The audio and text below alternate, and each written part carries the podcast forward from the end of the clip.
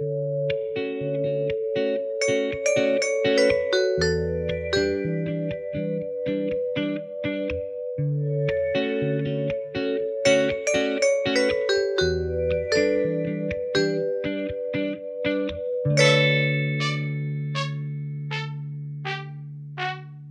og velkommen til Trans-Norge, en podkast om transpersoner, lagd av PKI Norge, pasientorganisasjonen for eh, kjønnsinkongruens.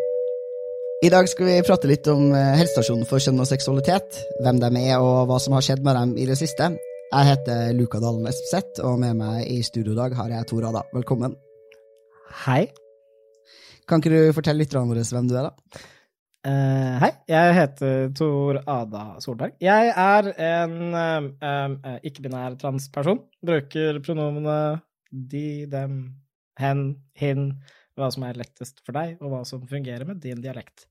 Eh, ja, nei, jeg vet ikke. Jeg eh, kom ut som trans rett før jul. Jeg Har eh, eksplodert ut av skapet i masse farger. Jeg har det jævlig fint. Uh, ja, så derfor er jeg her, da. Velkommen ut av skapet. Takk. Jeg er jo alltid lykkelig og glad når det er flere folk som joiner laget vårt. Og du har satt deg fore å bli en aldri så liten aktivist. Kan ikke du fortelle hvorfor det? Uh, nei, altså, jeg ble aktivist pga. hets, liksom. Skulle bare handle julegave, på en måte, og så jeg liksom dytta mot veggen av en fyr i arbeidsklær og bare sånn Nei, jævla transe! Og så går han videre. Jeg var sånn Fem minutter med det var skummelt, og så var det etterpå sånn Nå er jeg jævlig forbanna. Faen heller! Hvordan kan folk oppføre seg så dritt? Og så var jeg sånn Nå må jeg gjøre et eller annet. Jeg må gjøre noe. Så måtte jeg skrike høyt. Ja, Så etter det så har du blitt aktivist. Ja. Velkommen til aktivismen. Takk. ja, jeg har allerede sagt at vi skal snakke litt om helsestasjonen for kjønn og seksualitet, og du har allerede også sagt at du er ikke-binær. Jeg antar også at du er under 30 år og bor i Oslo. Eh, Eh, det stemmer. Jeg er under 30 år og bor i Oslo. Og da er det sånn at hvis man er under 30 år, eh, så har man eh, tilgang på noe som heter Helsestasjonen for kjønn og seksualitet i Oslo. Det er en helsestasjon som har eksistert i ca. ti år, som i utgangspunktet starta som en LHBT-helsestasjon. Som bare skulle være et sånn lavterskeltilbud for skeive folk, for å komme og få snakke litt om kjønn og seksualitet. De har i løpet av de siste ti årene blitt en ganske eh, høyspesialisert enhet. skulle jeg si. Altså, det betyr at de har sykt høy kompetanse på trans, fordi de har eh, utreda, snakka med og behandla vanvittig mange transfolk. Eh, de forholder seg til standards of care, de forholder seg til internasjonale retningslinjer og forskning, eh, og de tenker at eh, transfolk har samme evne til å foreta gode eller dårlige valg for eget liv og være samtykkekompetent som det cis-folk har. Som betyr at de rett og slett bare tenker at deres oppgave er å veilede og guide transfolk eh, frem til å ta gode valg for eget liv. Eh, og de tilbyr altså kjønnsbekreftende behandling i form av pubertetsutsettende hormoner og hormonbehandling, i tillegg til at de eh, vel også kan skrive anbefalingsbrev for kirurgi hvis folk har mulighet til å ta det eh, privat, enten i Norge eller andre steder.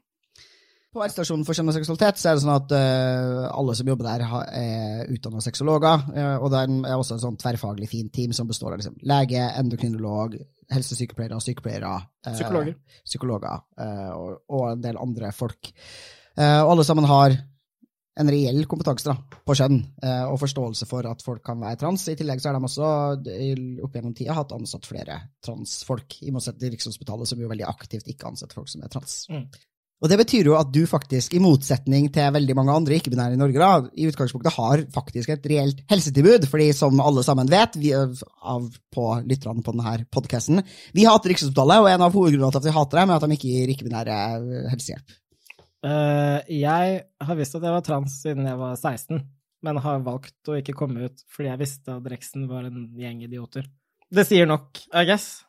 It does. Eh, ja, nei, altså, sånn, sånn ja, altså, Jeg har sittet mange timer i løpet av livet mitt og holdt venner som liksom fått avslag fra Riksen igjen, liksom. Og, you know det, Ja, det har blitt merket av selv eggene i skapet og sånn. Du må forklare egg.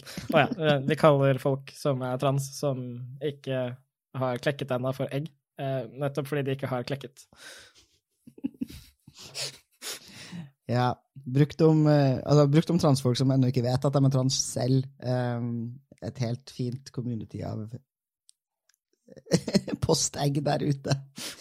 Det fins veldig mange bra memes i eh, egg-verden, føler jeg. Hele vennegruppa mi som tenåring uh, more or less var transfolk. Uh, jeg skjønte ikke tegninga. det var bare Jeg, jeg skjønte ikke tegninga. Jeg var sånn, Hvorfor er alle vennene mine trans? Bare, nei, de bare er sånn, de. Ja, er det, sånn klassi- det er klassisk egg, da. Bare være sånn her, Ja, jeg er bare veldig interessert i sånn transting. Jeg er bare veldig, veldig, veldig god alliert, og så syns jeg at folk burde få lov til å være seg selv. Og så blir man sånn Ja, og så hadde jeg mer og liksom mer. Og så da jeg endelig liksom ble introdusert for noe Espen Ester-media i det hele tatt, var det en liten videosnutt hvor Espen Ester skulle vise liksom, hva slags kjønn som fantes. Og så uh, brukte henne en ganske uh, Jeg har hørt at den, den- denne oversettelsen av A-kjønnet uh, ikke eh, høres så bra ut, altså kjønnsfornekter. Eh, den beit jeg meg på ganske lenge, eh, fordi jeg var sånn Ja, men da kan bare ingen ha kjønn. Og så bare kaller jeg alle for de. Og så gir jeg faen. Og så gjorde jeg det en stund, og så endte jeg opp med å så såre noen av transvennene mine. Så var jeg sånn, ok, det er kanskje litt dårlig gjort å ikke kalle deg for han når du veldig, veldig vil bli kalt han. Eh, kanskje jeg skal slutte med det. Eh, og så etter det så gikk jeg rundt og kalte meg selv knotkjønna. Uh, fordi jeg bare It was difficult. Knotkjønna, jeg liker det. Knotkjønna. Eh, fortsatt litt knotkjønna, egentlig. Nei, så landa jeg liksom litt nå i høst, da, hvor jeg fikk noen major makeup-envy på, eh, på en halloweenfest, og så i løpet av den natta så hadde jeg bestilt en haug med sminke. Og så bytta jeg jobb. Og så var det et veldig praktisk tidspunkt å komme ut av skapet på. Så det var, det, det var en eksplosjon. Det var veldig gøy.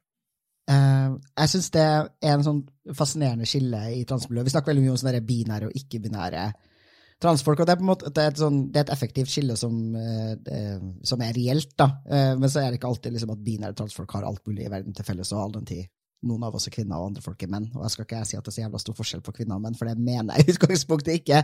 Poenget er at jeg, mm, jeg bet meg merke i det du snakka om at eh, du bare erklærte at eh, ingen burde ha skjønn, fordi du muligens ikke har så veldig sterk opplevelse av skjønn. Ja. Og det er en sånn ting som jeg skulle ønske vi snakka litt mer om i transmiljøet. fordi vi blir på en måte, alle transfolk blir grupper sammen, og så er liksom hovedinndelinga på hvorvidt vi er binære eller ikke binære. Men så jeg tenker at en annen inndeling, eller en annen akse som man kanskje burde prata litt mer om, er faktisk liksom styrken på kjønnsidentiteten. For jeg tror at det for folk som ikke har noe særlig opplevelse av kjønn, da, og bare ikke opplever noe sterk kjønnsidentitet, Mm. blir egentlig ganske sånn kontrastfylt opp mot en del transfolk som har, som, altså som har en ekstremt sterk kjønnsidentitet. Å, det- og du aner ikke engang. Jeg har sånn 140% kjønn. Det er mye, altså.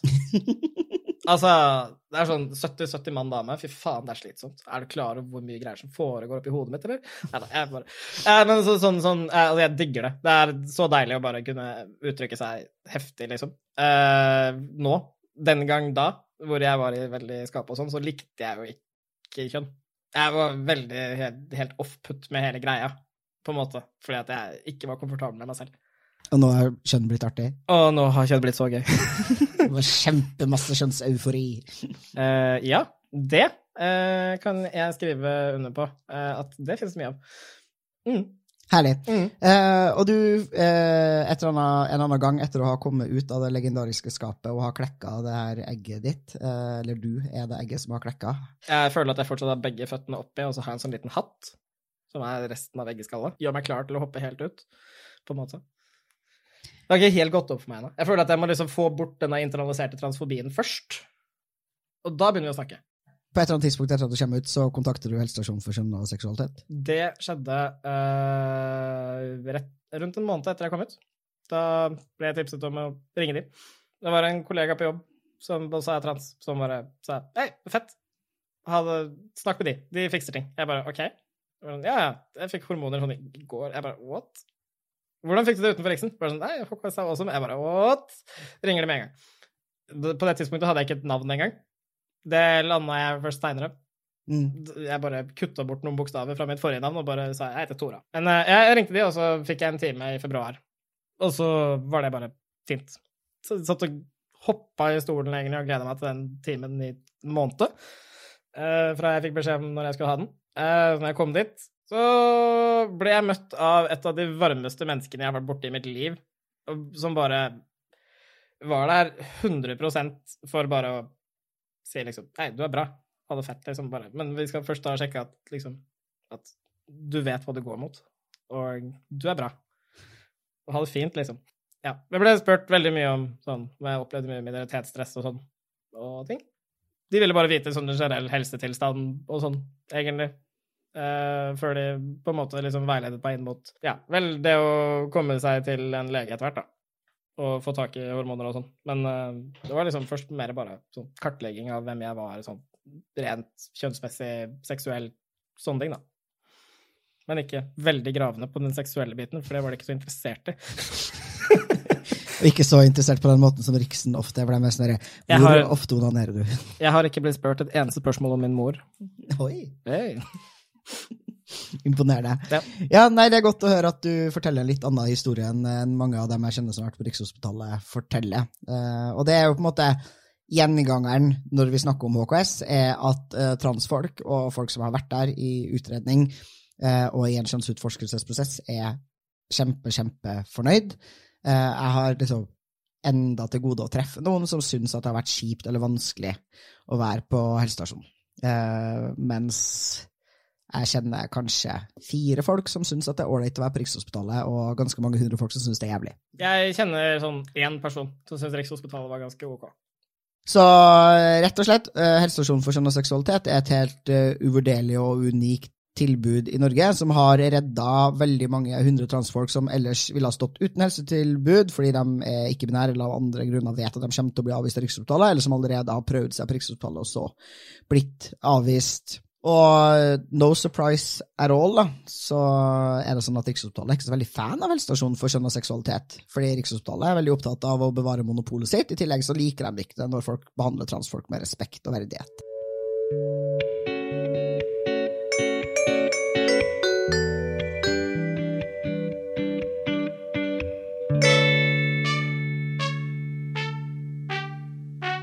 Altså, jeg kommer i hvert fall aldri til å prøve å oppsøke noe som helst form for hjelp av Rikshospitalet uh, før ganske mange av de overlegene der mister løyvet sitt for å være leger, fordi de har feilbehandla folk siden, i hvert fall siden 2019.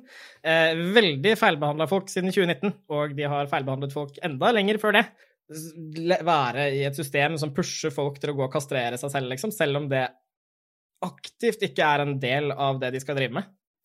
Altså, jeg, jeg, jeg skjønner ikke hvor, hvorfor de er der engang. Uh, altså, sånn jeg forstår Rikshospitalet, så er Rikshospitalet et sted som lever under antakelsen om at det å være trans ikke er rett. Dette er galt, liksom. Og de prøver liksom å sørge for at færrest mulig folk er trans. Og de gjør det ikke ved å prøve å lobbe for å gjøre det ulovlig å være trans, eller få hjelp. De gjør det på en mye styggere måte. De gjør det ved å liksom jobbe for å begrense tilbudet, annet enn hva det de gir. Fordi det er sånn Det er aktiv vold, liksom. De driver faktisk vold mot transfolk, og det kan de bare ta og drite i som helsepersonell. Faen eller da, det er helsepersonell, ikke uhelsepersonell. Mm.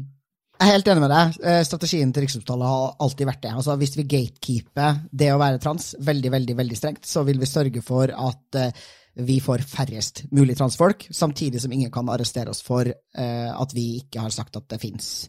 Fordi Riksopptalet sier jo, jo, det finnes transfolk, det bare er uh, ifølge dem sånn 90% av alle dem som påstår at de er trans, som ikke egentlig er det. Men her har vi en liste med kriterier som hvis du oppfyller dem, så er du ekte eh, nobel transperson. Eh, en av de andre strategiene som Rikshospitalet har da, for å drive en slags eh, politisk og medisinsk vandetta mot transfolk, er at de jevnlig melder helsepersonell de mener at gir for mye kjønnsbekreftende behandling, til eh, Helsetilsynet og helsemyndighetene.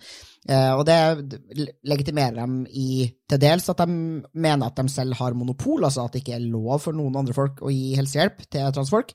Eh, og, det tar de feil i. Eh, det, det, har du rett i, det tar de feil i. Eh, og til dels så mener de også at den behandlinga eller eh, behandlingssystemene som de andre opererer etter, blant annet HKS, da, ikke holder faglig mål. For eksempel så mener de at det er problematisk at man gir kjønnsbekreftende behandling til ikke-binære folk, fordi de mener at det finnes ikke noe forskning som skulle understøtte at det fungerer, som er et sånt argument som Riksopptalen er veldig glad i, som jo er bullshit fra ende til annen. Altså for meg så virker det som at Riksen bare tar så kategorisk tar og fjerner all forskning som er, har sitert Espen Ester på en eller annen måte. Altså det er jo sånn, All forskning av transforskning etter 90-tallet som ikke er det direkte transfob, er jo sitert Espen Ester.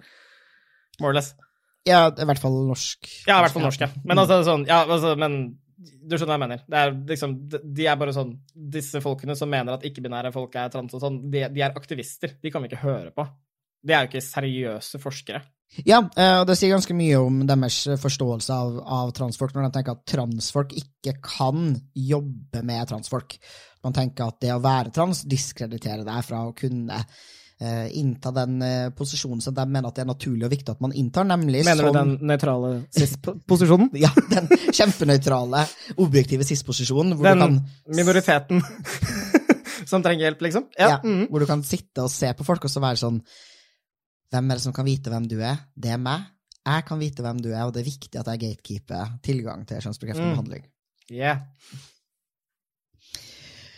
Ok, så eh, det her og da det landskapet helsestasjonen for kjønn og seksualitet eh, opererer i, og en del andre tilbydere av, av kjønnsbekreftende behandling utenfor Rikshospitalet. Eh, de blir altså eh, jevnlig eh, rapportert til helsemyndighetene av, eh, av Rikshospitalet. Uh, og til uh, dags dato så har det aldri skjedd at uh, Riksen har fått liksom, ettertrykkelig medhold, altså at noen har mista lisensen sin, eller fått beskjed om at de ikke kan fortsette å gi kjønnsbekreftende behandling, fram til relativt nylig, hvor det kom signaler om til Helsestasjonen for kjønn og seksualitet at det kanskje var sånn at de måtte slutte å gi kjønnsbekreftende behandling. Så det som skjer, da, er at eh, torsdag 21. april i år, 2022 Så skulle jeg ha min siste time hos OKS eh, klokken ni på morgenen. Um, og jeg går til den digitalt, uh, møter på min behandler, og vi har en veldig hyggelig samtale. Og uh, vi hadde ekstra tid på slutten, så vi brukte egentlig bare den siste tiden på å diskutere hvor mye jeg gleder meg til å begynne på hormoner. Uh, og hvor flott det var. Og hun ble bare kjempeglad fordi jeg var lykkelig. Og så uh, etter, timen, etter timen hos OKS så satte jeg meg ned på jobb igjen. Og uh, satte meg ned i en chat med en annen transperson på jobb. fordi vi hadde begge en litt tung dag å jobbe på. Så vi tenkte det er lettere å jobbe sammen. Så da hoppet vi og jobbet sammen i stedet for. og så får, får jeg plutselig pling i tre forskjellige Discord-servere om at uh, eh, HKS ikke får lov til å behandle folk mer. Uh, og gi folk hormonbehandling mer. Uh, dette her er jo da noen fire timer etter at jeg da har hatt min siste time hos HKS og liksom, og liksom satt på venteliste til å komme til lege og sånn. Jeg Du vet sånn det derre trikset som folk gjør ved, ved et middagsselskap, for eksempel. Ikke sant? Du vet sånn når du liksom tar tak i duken og bare river ut hele duken under alle tingene? Mm. Det kjentes ut som noen gjorde det, bare at de gjorde det for dårlig. Ja. Uh, og jeg sto på toppen. uh, og jeg ble liggende ganske lenge. Altså. Jeg kom meg ikke på Jeg kom meg ikke på jobb igjen før sånn nå på mandag, liksom. Og det er to, en, ja, to og en halv uke, da, med egentlig bare total angst og panikk over at jeg ikke får hjelp, liksom. Uh, jeg har uh, Jeg sovet kjempelite i løpet av disse ukene, og jeg har uh, levd med et ganske høyt minoritetsstress sånn generelt, fordi jeg har blitt ganske Jeg har liksom en ganske utfordrende kjønnsuttrykk for folk, så jeg er ganske vant til å bli ledd av på gata og sånn. Ropt til, ropt etter og sånn. Så jeg, jeg, jeg krasja helt, og jeg er fortsatt ikke 100% frisk. Jeg er liksom 50% sykemeldt, og jeg vet ikke hvor lenge jeg kommer til å være det. Liksom, jeg er helt Jeg har null tillit til helsevesenet lenger. Altså, det norske helsevesenet kan du få billig av meg. Det er, det er ikke I hvert fall for transfolk så er det ikke verdt en dritt. Sånn utenom HKS, liksom.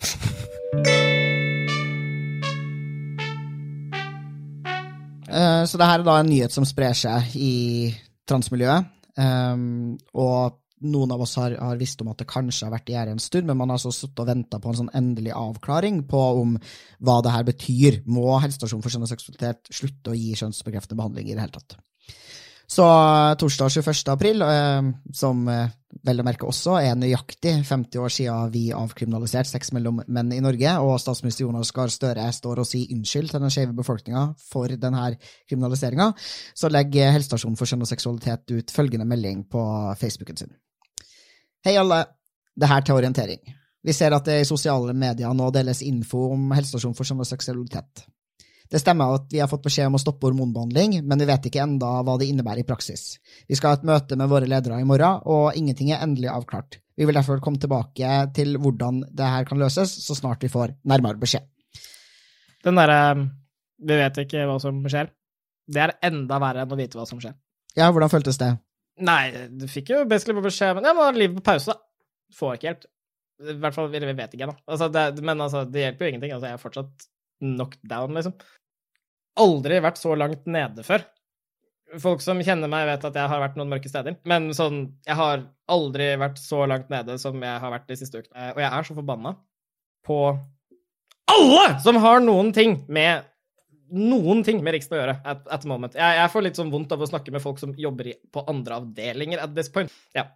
Ja. Det, det er virkelig der, altså. Jeg, jeg har Vi burde egentlig bare stelle oss opp på Rikshospitalet og protestere til sykehusledelsen sparker de, liksom. Det har jeg tenkt på mange ganger, det er bare at jeg har ikke lyst til å være til fare for eh, andre mennesker sitt liv og helse, så derfor så føler jeg at det å ha demonstrasjon på et sykehus er litt risikabelt. Men jeg tenker også at man burde bare hatt en sånn her lock-in. Ja, det var, en- det, var en, det var en ting jeg ikke hadde tenkt på. Tusen takk. Uh, ja, ellers hadde jeg helt eh, rødmaling utover det eh, raststedet der for lenge siden. Mm.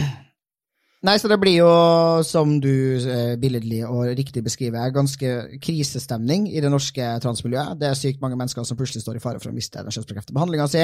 Alle sammen blir redd for at det her er en avgjørelse som kanskje vil påvirke eh, deres fastlege eller allerede igangsatt behandling. Folk har fått andre steder. Eh, og det kjennes også ut som om den kampen som har pågått da, i 10-15-20 år for å få på plass et bedre helsetilbud, altså den har pågått lenger, men den har vært intens da de siste 20 årene, det kjennes ut som om den kampen er i ferd med å bli vunnet av Rikshospitalet, og at alt som heter liksom, fremgang for transfolk, bare skal bli fratatt oss. da. Ja. Så at folk må forstå at det her liksom, det er ikke bare eh, du som er en transperson som må vente en ukes tid for en avklaring. Det her er et ordentlig liksom, hardcore strike mot hele det norske transmiljøet og all jobben aktivister har gjort i liksom, mange år. Det som er fint å se, da, som jeg har satt veldig pris på de siste ukene, er jo en voldsom mobilisering i, i transmiljøet. Og eh, bare en uke etter eh, at vi fikk denne beskjeden, så eh, ble det arrangert en kjempestor demo her i Oslo. Det var demonstrasjon i Bergen, i Trondheim, i Stavanger og Kristiansand. Og, og er sikkert også veldig mange markeringer på internett og, og en del andre steder. Og, det, og veldig, veldig mye eh, greier på sosiale medier, og folk er veldig fine med hverandre. Så det er jo helt gull. Men hva skjedde etter at helsestasjonen venta på en avklaring på hva som skulle skje med den kjønnsbekreftende behandlinga? Jeg kom meg ikke ut av senga på et døgn. Det var det første som skjedde. Jeg fikk meg mat, liksom, og så tilbake i senga. Det var, det var livet mitt i første døgn. Og så har det gått gradvis oppover etter hvert som jeg skjønte at eh, det begynte å mønstres til demo. Da begynte jeg heller å prøve å få folk til å møte på demo, eller melde seg inn i PKI hvis de ikke har gjort det allerede. Det var litt sånn Ja. Jeg tror jeg har fått fire folk til å melde seg inn, eller noe sånt. Yay! Eh, ja. Nei, så det, det har bare vært uh, jeg, jeg har ikke klart å gjøre jobb, men jeg har hatt energi, så jeg har heller bare prøvd å rette den energien imot å gjøre alt jeg kan for å gjøre det bedre. Jeg føler ikke at jeg har noe overskudd til å gjøre noe annet. Det er jo egentlig den ene Altså, det er den ene tingen jeg trenger å fikse i livet mitt, liksom, for å kunne få lov til å fungere som et normalt menneske, Uh, og det er å få hjelp, på en måte. Og det at jeg må slåss så jævlig for å få den hjelpa, er helt tullete. Mm. Og det at Altså, jeg veit jo det er enda mer tullete. Du har jo faen meg holdt på i ti år. 15, faktisk, tror jeg. Ja. Men det skal nevnes at jeg har det privilegiet at jeg har fått hjelp. da, sånn at det, eh, For meg personlig så står det liksom, det, er ikke, altså, det er ikke min tilgang til kjønnsbekreftet behandling jeg kjemper for. da. Nei. Og det gjør at sånne her ting oppleves ikke som en så stor personlig krise for meg, selv om det er en ja, men altså, altså, jeg, Jeg jeg, blir jævlig forbanna, liksom. Men altså, nå var det, var det også sånn at eh, det som jeg syns var så utrolig ukomfortabelt, var den totale radiostillheten fra media og politikere. Total radiostillhet fra politikere! Det var én venstrepolitiker som har sagt et eller annet, og så har uh, helseministeren uh, bare gjentatt bullshitet til Riksen. Det er alt jeg har hørt fra dem. Hva faen, liksom? Ja, det var vel en eller to mediesaker i uh, NRK som skrev Ja, Avisa Oslo Ja, men det var jo først etter at vi fikk beskjed om at det var åpna igjen, nærmest. Altså, det var jo nesten ingenting som det var Avisa Oslo og NRK hadde to artikler, som var for så vidt bra. De var veldig bra. Eh, så var det en god NRK-artikkel på søndagen som eh, løsnet opp i mye for mange, eh, der hvor det ble presisert at det, var bare de som ikke hadde blitt startet på behandlingen av det gjaldt. Men der var det også Avisa Oslo var uenig, og hadde da fått med seg at det da gjaldt kun de som var under 18. Det var jo det som viste seg å stemme, da. Så er det sånn at etter denne, dette skjedde, så skulle da Helsedirektoratet og HKS og Statsforvalteren skulle møtes til et eh, Nei, det var faktisk bydelsoverlegen, Statsforvalteren og eh, Helsedirektoratet som skulle møtes til et møte for å presisere litt eh, hva som egentlig har skjedd der. Ja, eh, Helsedirektoratet da åpnet da med å si det at retningslinjen som ligger foran dere, viser at kompetente folk har lov til å gi behandling. Det er jo egentlig det de sa i bunn og grunn. Altså, er, de, beskrev, de snakket om at uh, de legger merke til at det er store uenigheter på fagfeltet. Egentlig så er det bare at Riksen er uenig med alle andre. Det de snakket om, da, var at retningslinjene som ble utarbeidet i 2019, ja, er, som da liksom er basert på VPath uh, sine uh, anbefalinger og sånne ting, og eh, fint og flott. Det skal liksom lages opp et uh, tilbud rundt om i landet som skal ha regionale senter og sånne ting, og så kommer det da, da Nå har det gått Nå er det ikke 2019 lenger. Det har gått noen år. Eh, vi har ett regionalt senter. Har de, har de teknisk sett lagd to?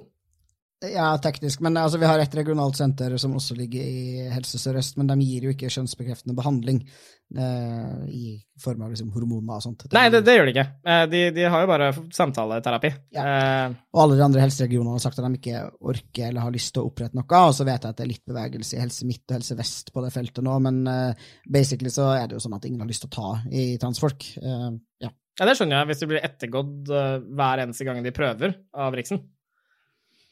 Ja, altså dem som er transpro, er redd for det. Dem som bare er transfob, som jo også er majoriteten av helsepersonell, fordi majoriteten av folk er det, eh, bare har ikke lyst da, til å gi oss et tilbud. Ja, ok, ja, men det gir mening.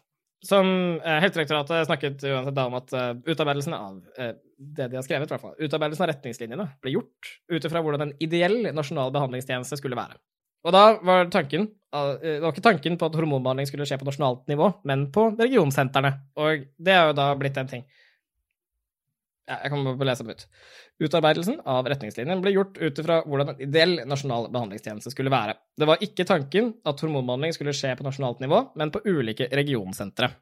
Utfordringen er dermed knyttet til manglende utarbeidelse av disse sentrene, som dermed har ført til uklarheter rundt hvordan statsforvalteren skulle håndheve den i praksis.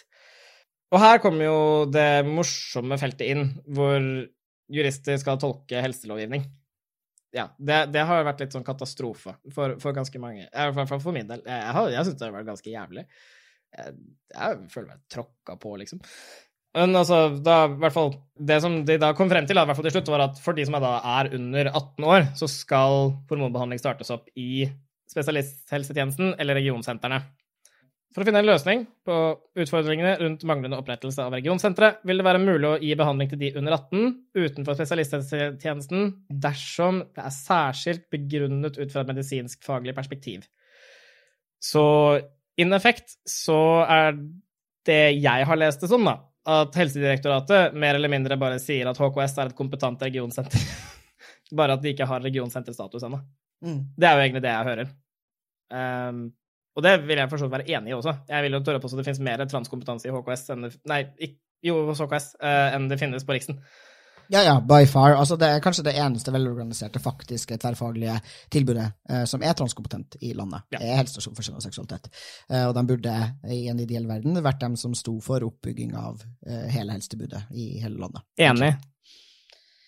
Men ja, som du sier, de, de juristene som skulle ha tolka det her lovverket og tolka retningslinjer, de har nok ikke forstått hva det betyr å eh, ta fra helsestasjonen for kjønn og seksualitet muligheten til å gi hormonbehandling. De har nok tenkt at det eh, ikke har så veldig stor effekt. Altså Helsehjelp har jo alle krav på, det burde gå greit. og et, En landsfunksjon vil jo gjøre det her hvis det ikke en helsestasjon gjør det, så det, det ordner seg. Og så har man eh, også gjort den transfobe feilslutninga som veldig mange folk gjør, at man tenker at eh, kjønnsbekreftende behandling ikke er spesielt viktig eh, for transfolk, eh, og at det ikke er en spesielt viktig medisinsk behandling.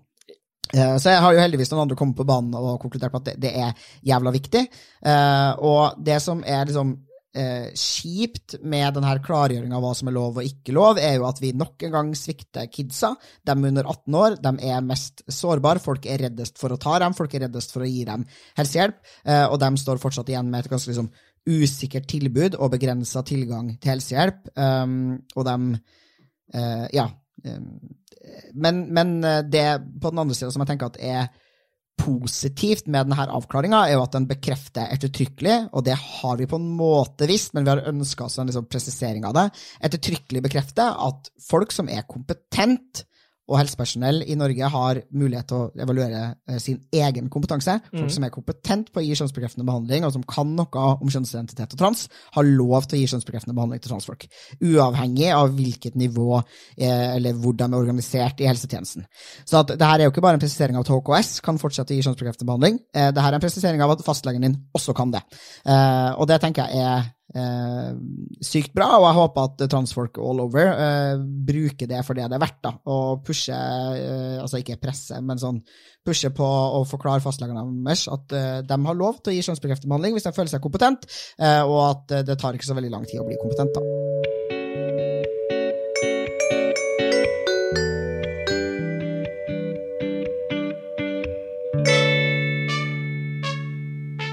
Ja, og her kommer vi til den biten av podkasten hvor jeg skal komme med litt reklame. Uh, hvis du er lege, hei, hvis du er lege og hører på, så er det deg jeg snakker til nå. Det finnes et SKIL-kurs til deg. Det kurset heter Kjønnsmangfold og seksuelt mangfold med fordypning i helsehjelp ved kjønnsinkongruens og utføres av Universitetet i Agder, og det er et veldig, veldig bra kurs, og du burde delta på det kurset, så du kan gi flere transfolk helsehjelp. Det var min reklame for i dag, og jeg håper at du utnytter deg av muligheten.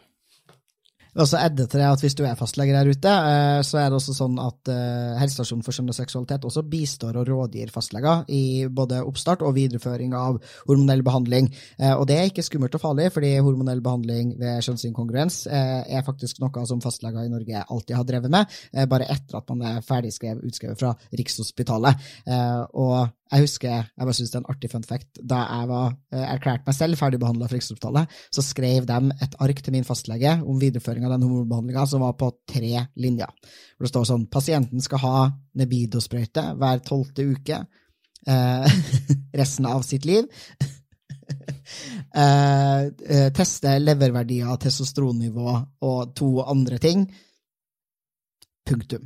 Og det er den veiledninga de får da, fra den nasjonale tjenesten. Og da tenker jeg sånn, Det illustrerer hvor sykt enkelt det er å administrere og overvåke denne hormonbehandlinga. På den ene sida. På den andre sida så sier jeg hvor lite alvorlig og seriøst da Rikshospitalet tar de, de liksom faktiske medisinske utfordringene som kan være knytta til, til kjønnsbekreftende behandling, da, for de gir seg jo lang beng i, altså, i bivirkninger eh, og andre ting. Så de påstår at de er er opptatt av i media. Altså Det de er opptatt av, som vi har sagt tidligere i dag, de er opptatt av å gatekeepe trans. Eh, de er opptatt av at vi skal være færrest mulig, eh, og at vi færrest mulig av oss skal få tilgang på kjønnsbekreftende behandling. Eh, den derre påtatte bekymringa for feilbehandling og bivirkninger og langtidskonsekvenser er bullshit. Det er ingen som tror på det. fordi da hadde de gitt de transfolkene faktisk i behandling også bedre behandling, og det gjør de ikke. Mm. Men øh, nå, da, som du vet, at du får kjønnsbekreftende behandling allikevel. Hvordan føles det? Det er litt flatt, egentlig. I don't know. Altså, ja, jeg får, jeg får behandling, men det er jo ikke nok. Altså, det, det, jeg får jo ikke en seriøs behandling. Jeg får minimumet, liksom. Ja, og du får ikke noen unnskyldning for det stresset du har blitt utsatt for de siste nei, nei, nei, to ukene? Ingen, ingen, ingenting for det. Heller ingenting for, you know, alle de andre årene. You know? Ja, pluss at uh, det jeg tenker at det her også er, da, er at selv om vi nå har fått en bekreftelse på at ja da, man skal følge de nasjonale faglige retningslinjene, og de sier at folk kan gi kjønnsbekreftet behandling, så blir jeg sånn Riksopptalet har ikke tenkt å gi seg med det første, liksom. Dem, for dem er ikke denne krigen over. Det som på en måte er det kjipe, da, er at vi konstant må leve i frykt for hva Riksopptalet sitt neste move er da, i denne krigen. Plutselig så angriper de helsestasjonen for kjønn og seksualitet, eller noen andre. Plutselig får de med seg noen politikere på laget. Nå har de jo fått med seg eh, den nye store kampanjen sin, Pål Støren på Folkehelseinstituttet, som jo også går ut i media uh, og snakker helt uh, rampant om transfolk uh, og sitt hat mot den gruppa, og hvor farlig kjønnsbekreftende behandling er. Men eh, til alle der ute, eh, så tenker jeg sånn, takk for at dere eh, møtte opp på demo og var engasjert og tok vare på hverandre i det som var liksom unntakskrisetilstand. Det jeg håper at folk kanskje sitter igjen med, er liksom følelsen av at når vi er under liksom akutt angrep, så klarer transmiljøet Norge å samle seg ganske raskt eh, og vise ekte motstand. Vi har faktisk allierte. Eh, og mennesker som forstår at kjønnsbekreftende behandling er viktig, både i helsevesenet, i, i byråkratiet og blant en del politikere. Så at det er ikke så uh, umiddelbart livsfarlig som det vi tenker. Og hvis det kommer et angrep til på oss, liksom, så skal vi klare å uh, slåss tilbake uten problemer. Ja, men altså Jeg er ikke fornøyd med det. Jeg, jeg føler vi må holde momentet oppe, liksom. Vi må bare demonstrere mer. Vi må ikke slutte nå. Nei, jeg er enig. Herregud, alle blir aktivister, liksom. Nei, men altså, sånn, så er Vi må bare sånn, demonstrere ukentlig liksom, til vi har et helsetilbud. Vi må bare være så irriterende at de går lei av at vi er der, sånn at de må få oss bort på en eller annen måte. Og den beste måten å gjøre det på, er bare lag lyd til folk finner en måte å fjerne deg på som du er fornøyd med. Det, det, er, det, er, en, det er, en, god strategi, og jeg syns vi alle sammen skal ta og legge oss på den linja og bare ta oss og være åpne, ute, forbanna og kreve et seriøst tilbud, liksom. Og meld deg inn i PKI. Helt enig, jeg skal akkurat si det. Og meld deg inn i PKI, som eh, også har eh, tippa 1000 medlemmer nå, men har definitivt plass til mange flere. Cool. Er det noe mer du har lyst til å si til lytterne av Trans-Norge-podkasten? Det var veldig hyggelig å få lov til å komme på besøk. Det er veldig hyggelig å få lov til å eh, underholde akkurat deg. Og eh, Be the best trans you can be, eller noe sånt. Jeg vet ikke. Uh, ha det fett. Uh, lev livet ditt. Vær forbanna. Skrik på en politiker. Ja. Det er ordene mine i dag. Enig. Det er veldig fint. Uh, tusen takk for at du var med på podkasten i dag. Jeg heter Luka Dalen Espeseth. Takk til Martin Skjold for den nydelige Trans-Norge-musikken, og takk til det nye teamet vårt med klippere, som består av L, Mina, Noah og Andreas. Og takk til Thomas Westervold Hansen for den grafiske profilen til podkasten. Eh, følg Trans Norge der du lytter til podkaster for å få med deg alle episodene av podden. Og følg oss på den nye Instagram-kontoen vår, trans.norge. Og selvfølgelig, følg PKI på Facebook og Instagram. Der heter de pki.norge. Dem, vi, ja ja. Meld deg inn i PKI på nettsidene våre www.skjønnsinkongruens.no.